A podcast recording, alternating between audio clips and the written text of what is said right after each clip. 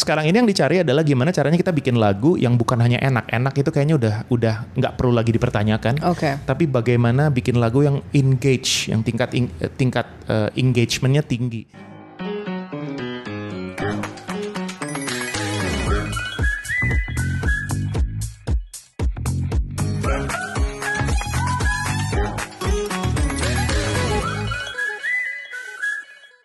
103.8 Bravo Radio, the smoothest sound on radio. Bravo listeners, kembali lagi di Hot Seat bersama saya Farah Bagus dan di hari ini kita penutupan ya 2021 with a bang dengan seorang yang multi talenta banget dan juga malam hari ini kita di kesempatan diundang ke studio barunya. Selamat malam Marcel, welcome to Hot Seat. Selamat malam Farah.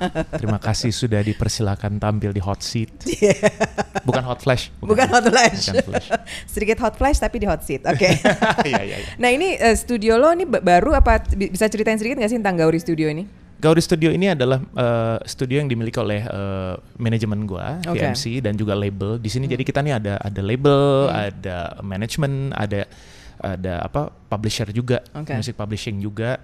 Dan eh, ini rencananya nanti ini akan eh, ada ada cafe juga, lalu ada eh, studio rekaman di bawah dan Hmm. Ada studio khusus buat misalnya bikin konten atau misalnya live shows yang eh, online misalnya. Oke. Ini memang kepemilikannya memang milik dari si VMC. Oke, dan ini hanya maksudnya kalau misalnya lo bilang tadi konten nama live show segala macam itu hanya untuk lo atau memang ini open? Misalnya ada orang pengen booking atau lain-lain gini di Se- ini. sejauh ini sih masih masih dipakai internal uh, artis Oke, artis ya. internal dari Uh-uh. dari, si- manajemen ini. Oke. ya.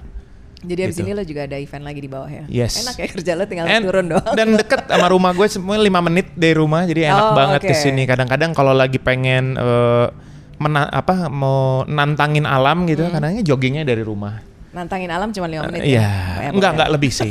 Tapi lari kan Lari, jogging. Gak apa bolak balik berapa kali lumayan dapat 10 kilo ya. Oh iya.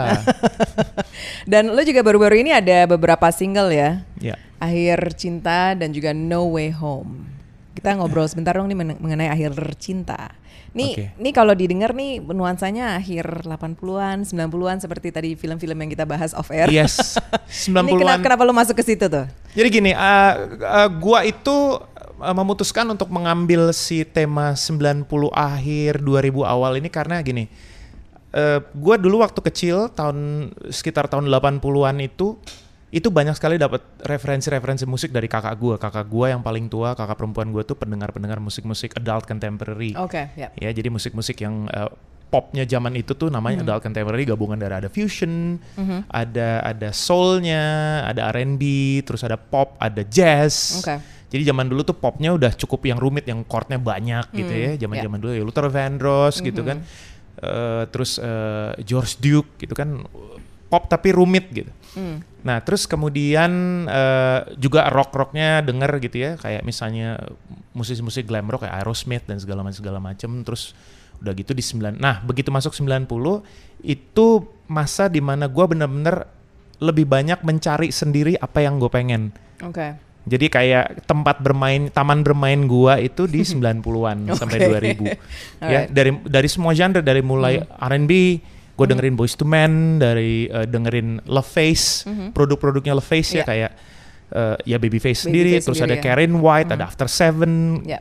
semuanya Oh, produksian. ah, Iya, gitu. iya, iya. Oke. Terus metalnya waktu itu tahun 90-an awal-awal tuh kan eh, selain Black Album ya, Black Album Metallica baru. Yes. keluar, terus Sepultura yang Arise itu juga baru Nah, keluar. iya, iya. Lalu juga ada band ada band eh, New York hardcore namanya Biohazard waktu Hmm. itu yang eh, itu juga jadi influence band gua dulu waktu gua main di Pupen. Terus ada juga Prong yang sampai sekarang masih ada band bertiga Hmm. eh, trioan tapi eh, dia eh, power chord eh, dulu nyebutnya sebagai crossover metal karena ada Oke. ada ada rocknya, ada ada sedikit metalnya tapi juga ada ada kayak diskonya, ada industrialnya gitu karena terinspirasi dari band-band kayak Killing Joke dan sebagainya.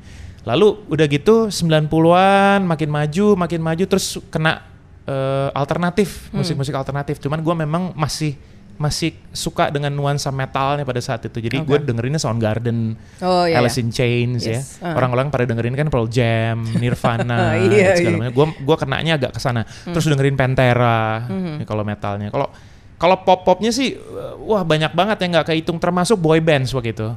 Oke. Boy bands yang boy band boy band selanjutan. Nah, pada saat itu ketika 93 94 New Kids on the Block itu ngeluarin satu album namanya Face the Music. Itu album yang gue bisa bilang itu album yang agak underrated karena dianggap karena mereka sudah dewasa gitu. Iya. Tapi justru album itu bagus banget isinya. Bahkan ada beberapa lagu diproduserin sama David Foster waktu itu. Iya. Jadi memang gue suka lagu itu, cuman orang nggak terlalu suka. Oke. Terus mulai apa ya? Banyak boyband boyband kayak eh 98 Degrees, Mhm. Insing, insing. NSYNC, iya. Eh, terus banyak ini boyband boyband yang one hit wonder waktu itu. Iyalah. Kayak apa? If you were mine every time, apa sih? Bed and breakfast. Iya. Ya. itu kan cuma satu lagu doang tuh. Terus apa lagi ya? Ah, ada satu grup yang keren juga eh, tahun 90-an, tahun 98 eh, namanya Ultra.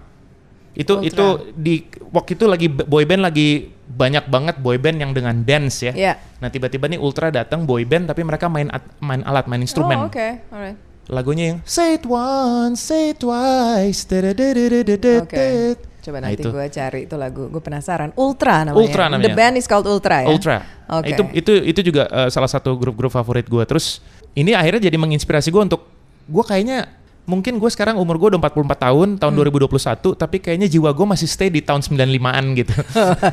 Jiwa gue nggak ke mana-mana. Gue gue terkurung di sana gitu. Gitu dan dan Hmm. eh, referensi gue juga termasuk musik-musik yang lain bukan Hmm. hanya musik pop gitu. Itu terkurung di sana di area itu. Jadi itulah yang membuat inspirasi si akhir cinta ini. Iya dan Oke. dan dan eh, produser musik untuk untuk Air Cinta ini Risyanda Singgih juga yang memang sepakat untuk memang musik-musik masuk- itu masuk tuh gitu, eh, iya, masukin sekarang kita situ. lagi cycle-nya lagi balik lagi ke sana gitu Mhm. dan dan salah satu referensinya kayak kemarin kita lihat tuh ya kayak The Weeknd gitu. Mhm. Tapi The Weeknd sih lebih lebih ke new wave ya, balik Iya, lagi ke iya. tahun 80-an. Mhm. Cuman ketika itu mundur Bruno Mars misalnya gitu kan. Mhm. Tapi memang eh, lebih spesifik kita ngambil sound-sound yang kayak sound-sound 90-an yang pop yang pop kreatif gitu. Iya, iya, iya. yang Oke. seru sih gitu. Dan kalau yang kita sebelum break, gue mau mau nanya sedikit mengenai No Way Home karena No Way Home ini menurut gue juga agak agak beda ya maksudnya. No way no how. Eh, no Way No How, kok No Way Home sih? No, no way no how. No Way No Ah, How. No Way Home yes. gue lagi nginget itu film apa? Spider-Man tadi. Oh no no gitu. ada no way home. Iya ya. No Katanya Way udah How. habis tuh. Tiketnya Hah? katanya udah Iya, habis di mana-mana ya. ngobrol makanya. Gue lagi gitu kayak No Way. Tiga Spider-Man jadi satu katanya. Yo, Ah, iya. benar. No Way How. Ini bukan Spider-Man dong. No way no how kan. No Way No How. Oke, ini lo genre-nya justru berbeda sih dengan si akhir cinta ini lo. Ini single juga kan sebenarnya? Sebelumnya sebetulnya sebelum Ah. ini, sebelum eh, akhir cinta ini ada satu single lagi. Hmm. Di awal tahun 2021 gue bekerja sama dengan sebuah seorang produser eh, yang mana ini suami istri produser ini dan gue berduet dengan istrinya. Gue bernyanyi lagu Mandarin judulnya Miracle. Miracle. Lagu Mandarin. Lagu Mandarin. Oke, who knew you could speak Mandarin? Nah, I I can't I can't speak Mandarin can like fluently, but I can sing it. yeah. Eh, setelah itu eh, baru si No Way No How ini ini adalah sebenarnya impian lama dari gua sama Lawrence gitu ya, Lawrence Oke. Random. Mhm. Jadi memang dulu kita kita kayaknya harus bikin lagi sih, lau kita sesuatu bikin sesuatu ini project yang mundur mundur mundur terus sampai akhirnya di 2021 gitu, wah eh, ini kayaknya saat yang tepat gitu dan Hmm, dan oke. memang genrenya drum and bass karena memang Ya. Lawrence ini kan memang ceritanya dia berangkat dari komunitas drum and bass Java bass. Mhm. Jadi Oke. memang eh, sudah terbiasa eh, dengan musik-musik genre genre seperti itu. Mhm.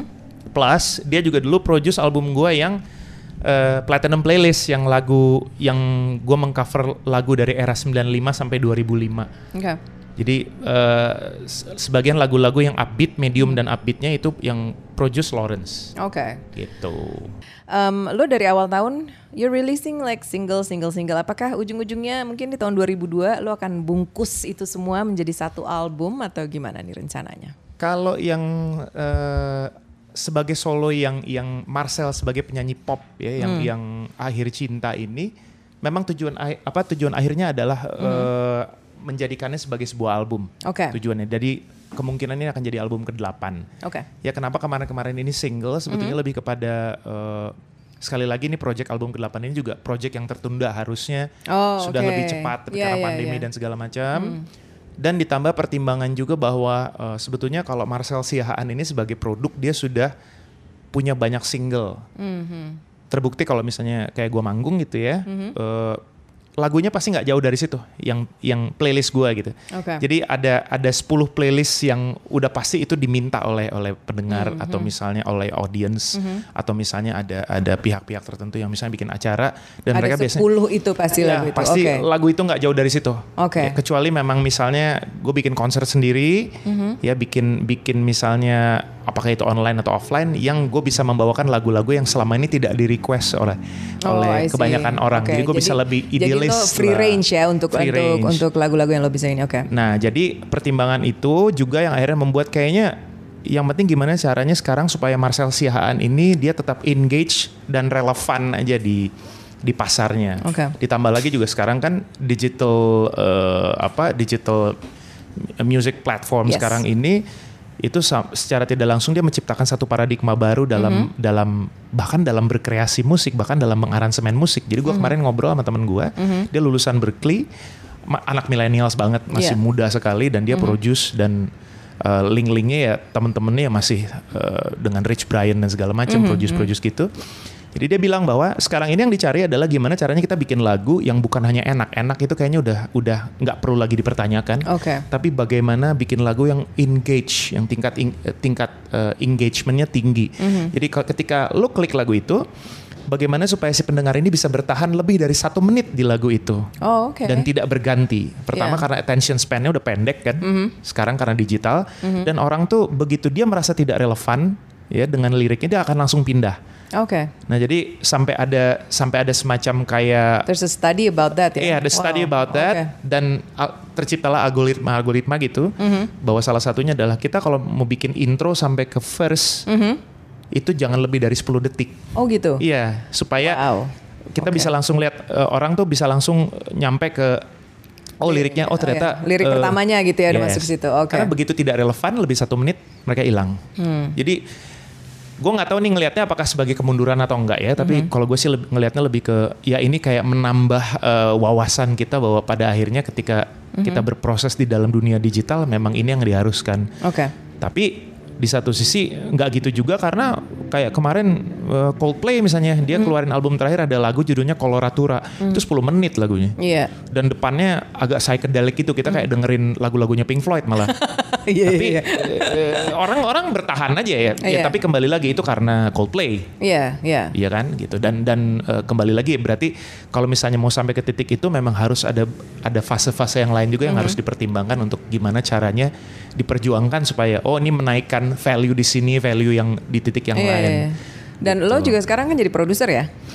Eh ya co-produce produce co-produce, produce oke. juga kalau di Sick Minded selain jadi apa namanya jadi members Mhm. karena mereka memang si apa founding members ini memang berniat mau bikin Sick Minded ini menjadi Iya. sebuah band jadi Mhm. kayak di overhaul lagi konsepnya dan segala macam akhirnya mereka secara aklamasi memilih gue jadi produsernya lebih kepada ini sih kepada kayak gue mau gue memberikan platform terus Mhm. kemudian yang lain masuk masuk masuk. Oke terus gue yang bilang oh ini cukup ini cukup ini cukup.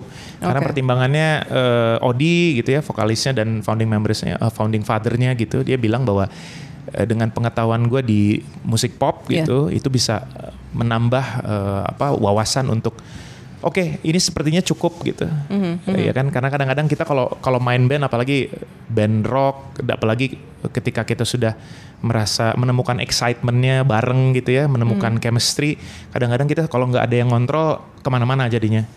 Nah ini perlu eh, ada yang jaga gawang istilahnya. iya. Oke, Nah, jadi lo istilahnya lo lagi jaga iya, iya. gawang ini. Lebih ke situ, lebih ke Oke. situ. Dan lo lagi main drum lagi?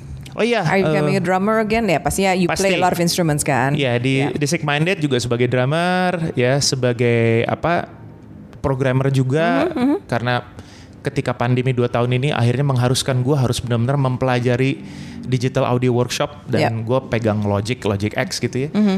dan itu eh, akhirnya benar-benar bisa membantu gue untuk mentranslate apa yang ada di kepala melakukan apa merearrangement ulang lagu-lagu ada beberapa lagu Sick Minded lagu lama yang di arrange ulang gitu Mm-hmm. dan akhirnya gue yang harus eh, mau nggak mau datang dengan apa nih gue udah bikin bahannya seperti ini kurang lebih like 70% Oke. baru nanti mereka me- eh, yang lain ngasih masukan ngasih input bahkan bisa jadi ada beberapa bagian yang sudah gue buat juga oh ini kayaknya kebanyakan dihilangin aja dihilangin jadi bisa masuk instrumen yang lain biar lebih bagus Oke. lebih ke situ Tapi sekarang gue mau ngomong nih karena mm, I see dan kayaknya lo udah lama juga into sports ya. Ya Into sports. Nah lo selama pandemi ini nih, Ya. udah kita masuk 18 bulan ini. Lo sport ada nggak sih sport spesifik yang lo lagi uh greget banget gitu tiap hari lo kerjain? yang yang lagi sedang gue lakuin karena benar-benar kesetrum adalah Strong Nation itu Strong Nation kesetrum kesetrum banget Ah, Lalu kemudian karena Strong Nation ini memang eh, diciptakan oleh oleh dua dua orang suami istri karateka, sepasang karateka gitu. Dan gue melihat memang Strong Nation ini kan kuat di unsur martial artnya, Oke. lalu juga eh, muscle conditioning, cardio training dan segala macam. Lalu kemudian eh, udah gitu pas ngobrol sama founding fathernya Umar Syarif gitu ya Strong Nation, ternyata eh, kita dulu satu perguruan karate. Oh oke. Jadi eh, aliran kita sama di Shotokan gitu. Dan itu kemudian juga menginspirasi gue untuk kemudian eh, berlatih karate lagi untuk menyelesaikan tugas-tugas gue yang belum selesai. Oke. Jadi dulu gue sempat karate dan eh, waktu SD dan eh, sampai sabuk tertentu, lalu kemudian gue Lo pikir boleh kok sebutin sabuk tertentunya. Sabuk hijau, masih- masih- Gue pikir lo sabuk putih doang. Oh, Kalau itu mah nggak disebut ya. Hijau. Oke. Sekarang lo udah black belt. belum belum. Nah ini sedang mengejar ke sana karena kalau Hmm. di karate itu justru life begins at black belt. Oh gitu ya. Iya, itu masih Kalau orang bilang ke masih- kita, kalau orang bilang kita life begins at 40, Life tapi begins at- salah life ya black begins at belt. black belt. Oke, buat lo itu. Jadi alright. baru mulai hidup tuh justru di black belt. Yang Oke. yang ini sebelum-sebelumnya belum. belum masih inilah cece latihan-latihan Jadi- dikit. Oke. Terinspirasi begitu dan memang dari dulu juga gue memang suka uh, martial arts gitu Oke. ya. Selain karate, gue juga sempat menekuni Wing Chun, lalu juga sempat belajar Brazilian Jiu Jitsu sebentar, tapi karena karena cedera dan sebagainya, gue memilih untuk quit itu dan meneruskan yang lain. Sambil juga untuk kardionya biasanya gue boxing. Oke. boxing itu eh, menurut gue efektif eh, dan efisien juga gitu dan sekaligus untuk kalau misalnya mau mau bikin stabil berat badan memang paling cocok gitu boxing Boxing. boxing Oke, boxing. traditional boxing ya yang biasa. Like do you have a sparring partner atau memang kayak ada, personal trainer Oh, biasanya Oke, oke. terus udah gitu ya eh, dan si personal trainernya memang juga mantan atlet eh, tinju juga jadi Mhm. akan lebih enak gitu latihannya Ya kalau mantan atlet tinju juga gue seneng kali sparring partnernya Iya. daripada kalau kalau gue di rumah sendiri gimana tuh? Kalau di rumah sendiri bisa gak sih sebenarnya? Kalau di rumah sih nggak karena eh, untuk untuk satu untuk satu kali session eh, boxing aja itu udah cukup melelahkan ditambah lagi kan gue ada Strong Nation lalu gue Iya. juga ada ada satu sesi khusus untuk gue melatih eh, namanya functional training. Jadi itu kayak eh, sebenarnya ini pelatihnya adalah pelatih CrossFit ya pelatih Oke. CrossFit dan pelatih HIIT sebetulnya HIIT HIIT itu Iya, High HIIT, Intensive Interval Training. Yes.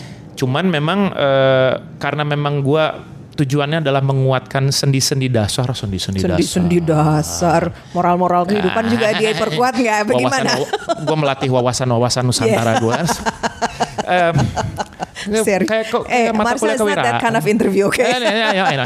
Jadi tuh kan gue jadi lupa. Intinya adalah yang yang dilatih adalah eh, functional training itu adalah melatih eh, otot-otot yang tanpa sadar sebetulnya kita pakai setiap hari. Oke. Misalnya kayak eh, dan itu dan itu berhubungan dengan kondisi kita kayak misalnya kita eh, kelamaan duduk atau kita biasa ngangkat galon Mm. Ya.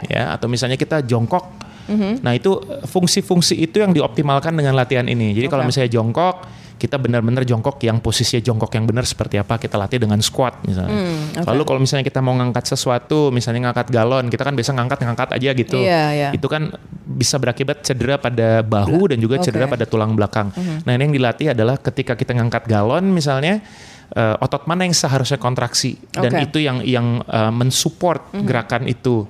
Nah, hal-hal itu yang dilatih supaya jadi kebiasaan. Oke. Lalu kan gue juga main drum, kan Mhm. main drum tuh kan kadang-kadang kalau duduk suka ke bawah jadi postur lu jadi ke bawah nggak Oke. benar. Ah. Nah ini yang dilatih supaya awarenessnya tetap di situ supaya ketika lo main drum, ketika lo duduk atau Mhm. apa duduk lama lagi ngadirin rapat gitu lo tetap aware duduknya Iya, nggak yang iya, iya. berubah. Bukan, iya, bukan berubah-berubah Nah gitu. itu yang yang dilatih di functional training plus ya juga ada tambahan-tambahan misalnya untuk eh, muscle conditioning, Oke. toning dan sebagainya. Dan lo ngajar di mana nih? Biasa terakhir sih online ya. Oke. Eh, eh, dan Oke. dan ada beberapa kali eh, apa offline juga gitu. Mhm. Cuman Cuman memang ya itu apa uh, benar-benar lagi terutama terakhir-terakhir ini lumayan hektik ya. Karena ada musik, lalu juga gue juga denger lo latihan aja kayak hektik banget. Tadi gue udah kayak sweating gitu, gitu. kayak gue habis lari 5 kilo. kayak gue denger lo, gue begini, gue begitu, gue begitu. Kayak, oh my god, I just run, I'm so lame. Oke.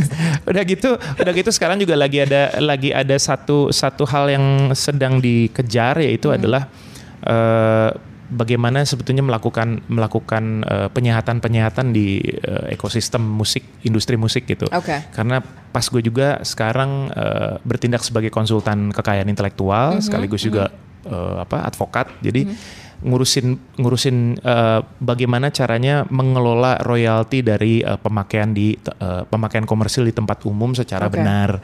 Alright. Jadi sekarang lagi sering banget eh, ketemu Seneng de- nambah kerjaan lo ya kayaknya. Oh, eh, lebih kepada takut takut diem gitu, nggak bisa diem aja, nggak bisa. Kalau diem terlalu lama tuh takut nanti eh, Kayak nggak eh, nggak jelas gitu, kayak paranoid gitu kalau nggak ngapa-ngapain. Hmm. Bahkan olahraga aja nih, gue sampai bisa menemukan satu momen di mana ketika gue absen nih beberapa Hmm. hari, like seminggu aja gitu, itu gue yang kayak kayak PMS jadi kayak marah-marah yang bad mood semua kena marah gitu ya yang yang nggak perlu-perlu apa dikit itu meledaknya nggak kira-kira gitu dan ternyata itu bisa diselesaikan hanya dengan olahraga, Hmm. Olahraga. selesai olahraga beres tuh semua Nah, aman itu. Ada gak sih em, pesan lo nih mungkin ya? Karena kan lo kelihatannya biarpun di tengah masa pandemi lo Hmm. masih berkarya, lo Ya. masih kreatif. Lo ada gak sih pesan mungkin untuk musisi lain atau musisi yang lagi baru starting up di tengah-tengah pandemi ini? What, what do you have? Lo ada pesan gak sih buat mereka? satu satu pesan adalah teruslah bergerak jangan berhenti gitu ya bergerak itu bergerak itu kan bisa macam-macam eh, bisa eh, ng- memang gua ngerti bahwa nggak mudah nggak mudah untuk bisa kreatif ya apalagi dalam kondisi seperti ini tapi eh, ingatlah bahwa untuk melakukan sesuatu itu untuk melakukan banyak hal misalnya bagaimana to gain your creativity atau apa pun itu adalah lo se- lo sedang menggunakan kendaraan yang mana itu adalah badan lo gitu ya. Jadi usahakan sebisa mungkin badan fisik lo ini lo jaga gitu. Karena pada akhirnya kendaraan inilah yang akan membawa kita gitu. Dengan fisik yang lebih baik, dengan fisik yang lebih lebih prima gitu. Lo akan lebih lebih bisa lebih gue bukan mau jadi kayak sok-sok positif tapi memang terasa akan lebih Iya. lebih baik lo akan lo akan lebih bisa terbuka untuk banyak hal gitu lo tidak Hmm. lo tidak apa ya istilahnya lo tidak overwhelmed dengan kondisi pandemi lo tidak overwhelmed dengan kondisi yang lo kelamaan kelamaan apa namanya baringan gitu dan Iya, segala iya, macam iya. karena ada satu ketakutan ketakutan juga adalah di sini apa selama pandemi ini banyak orang yang gue lihat eh, keinginan mereka untuk untuk mendapatkan sesuatu Hmm. minimal bukan lebih tapi yang sama dengan apa yang mereka dapatkan di sebelum pandemi ini masih tetap sama. Tapi Hmm. Oke. karena mereka sudah terbiasa dua tahun ini nggak ngapa-ngapain mereka lebih memilih untuk gimana caranya nyari sesuatu yang gampang. Oh, tapi gue tetap Ya, bisa dapetin yang sama seperti yang dulu. Nah banyak orang jadinya berpikir berpikir pendek akhirnya mencari jalan pintas. Nah itu yang jangan sampai Jangan itu sampai terjadi ya, oke, gitu. Karena tetap oke. eh, apa lu harus lu harus berani men-challenge eh, diri lu untuk keluar dari situ gitu ya. Mhm. Maksudnya tanpa bermaksud menjadi toxic eh, positivity Iya. juga karena gue juga orang yang tidak suka dengan toxic positivity Iya, gitu. Ayo bisa, pasti bisa, ayo bisa. Ngomong nih gampang, tapi kan Iya, iya. pada akhirnya kan setiap orang punya punya apa bargainnya sendiri-sendiri Mhm, gitu.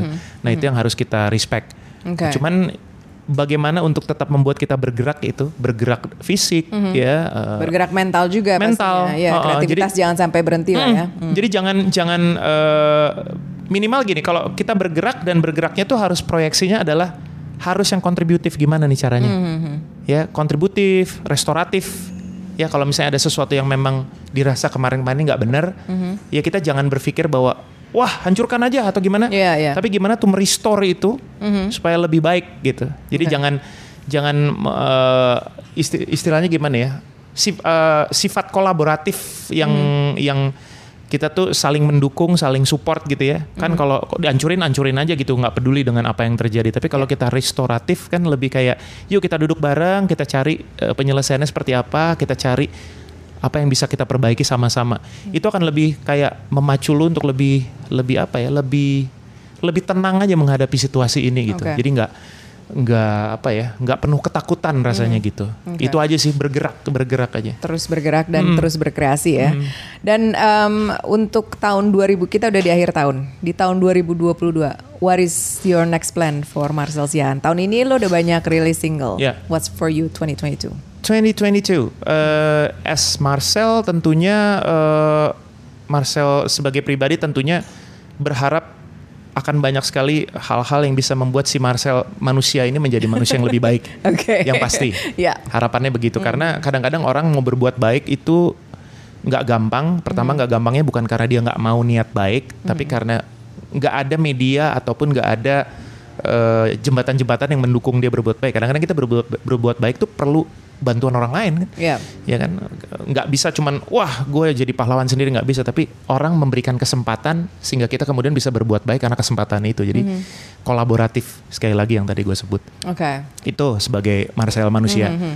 Terus kalau Marcel sebagai produk sebagai penyanyi solo tentunya harapannya dia pengen nyelesain album ke-8 Oke. ya dan juga eh, konser sih.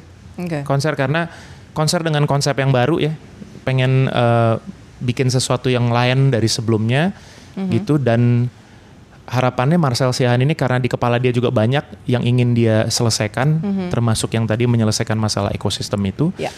si Marcel ini juga punya niat bahwa niat dia berkarya bukan hanya sekedar eh, berkarya eh, for his existence aja tapi juga supaya dia relevan. Oke. relevan dengan dengan dengan apa yang sedang berlangsung saat ini. Karena anak-anak sekarang kalau gue perhatiin eh, ketika kita punya satu misi untuk misalnya mencerahkan atau misalnya mau ngasih tahu eh, bukan mencerahkan lah ya sok jago banget. Mengedukasi pun nggak. Maksudnya mengkomunikasikan sesuatu yang eh, penting untuk kemaslahatan si eko- ekosistem ini mereka melihat yang ngomong ini masih relevan atau enggak gitu kalau misalnya nggak relevan mereka nggak mau denger Oke. jadi Ya, pertimbangan ya, gue ya, berkarya adalah supaya gue tetap relevan. Jadi Iya. ketika gue ngomong, mereka mereka mau denger apa yang gue omongin. Ya. Jadi bukan lagi hanya urusan perut atau urusan eksistensi, tapi lebih kepada gimana caranya supaya gue bisa mingle dengan mereka dan mereka bisa dengan dengan tenangnya menerima gue sebagai bagian dari mereka. Satu-satunya cara ya gue harus berkarya, gue harus eh, apa exist. Termasuk eh, gue tidak pernah malu untuk eh, menunjukkan ke publik bahwa gue sedang latihan vokal misalnya. Oke. Gue sering live, gue latihan vokal sama Ibu Aning guru gue, hanya untuk tujuannya untuk menunjukkan bahwa, come on, Hmm. jangan berhenti, latihan, Iya, latihan. Terus ya, terus ya. Ah, ini bukan siapa-siapa nih, kita, gue aja masih latihan, ayo, Hmm. biar semangat orang gitu. Iya, iya. M- menunjukkan, menunjukkan karena sekarang kan orang sudah segala-gala tuh dimanufaktur, dibikin seolah-olah eh, wah image-nya keren. Hmm. Tapi pada akhirnya kan belakang-belakangnya ya kita tahu lah. Nah, iya untuk Ya, beberapa hal gue kasih tahu aja memang begini. Nah kalau misalnya memang yang menurut gue ini akan menghancurkan karir gue ya nggak mungkin gue kasih. Tapi kan Iya. banyak orang di luar sana juga yang dengan cueknya eh, mengeluarkan sisi terburuk mereka demi karir, justru demi karir mereka supaya karir mereka naik gitu. Iya, iya. Nah, gue nggak di situ. Itu Marcel Sian sebagai eh, penyanyi, lalu sebagai sebagai anggota dari Sick, eh, Sick Minded dan konspirasi eh, konspirasi juga baru baru apa baru rebranding ya. Dan kita juga baru baru masuk gitaris baru putranya Arthur Kaunang gitu. Jadi kita mulai coba untuk eh, ngebangun image baru dan Sick Minded tentunya eh, ini juga lumayan banyak nih orang-orang ini karena isi kepalanya semua juga eh, apa banyak gitu ya. Ada rencana untuk selain album Sick Minded eh, debut album kita berlima Ya. sebagai band juga kita akan mau bikin festival namanya Industrial Tribe. Jadi kita mau Industrial Tribe, kita oke. mau ngumpulin band-band industrial dari tahun 90-an untuk kemudian kita buatkan kompilasi itu yang pertama dan ini sedang berlangsung. Kompilasi itu lalu kemudian nanti ujung-ujungnya adalah kita akan bikin festival yang ujungnya nanti di festival itu bukan hanya main musik tapi juga ada semacam kayak eh, booth mengenai apa itu apa eh, virtual reality. Oke. Terus ada booth tentang games karena eh, apa games ya. Iya. Jadi kayak digital games sekarang kita juga mau mau merangkul anak-anak gamers Iya. ya, orang-orang yang eh, apa game developer dan sebagainya. Karena kita juga mau ngarah ke sana Oke. gitu. So many things Many buat things. lo di tahun 2022. Gue Plus kerjaan-kerjaan tadi yang gue bilang itu Iya. kerjaan-kerjaan sebagai eh, cie, apa ya bahasanya?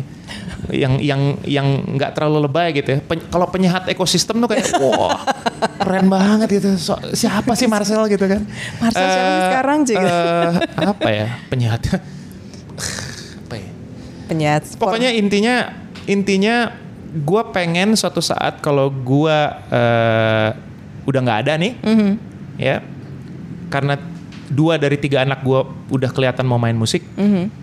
Harapan gue adalah ketika mereka ditanya bapaknya siapa, mereka nggak malu nyebut nama bapaknya siapa. nggak malu lah. Jadi harus gue harus gua harus eh, Iya, iya. menyiapkan platform buat mereka sekaligus juga menyediakan apa eh, mencanangkan sebuah legacy biar mereka nggak malu gitu. Oh, bapak gue mereka dengan bangga bilang, "Oh, bapak gue ini ini ini ini ini." Eh. Tapi kan ada yang bapak lu siapa? Eh, boleh ngobrol yang lain nggak? Iya. Males gue ngomong bapak gue nggak ada gunanya deh di dunia ini. Nah, itu yang paling gue takut. Yeah. Well, so far you're doing a good job.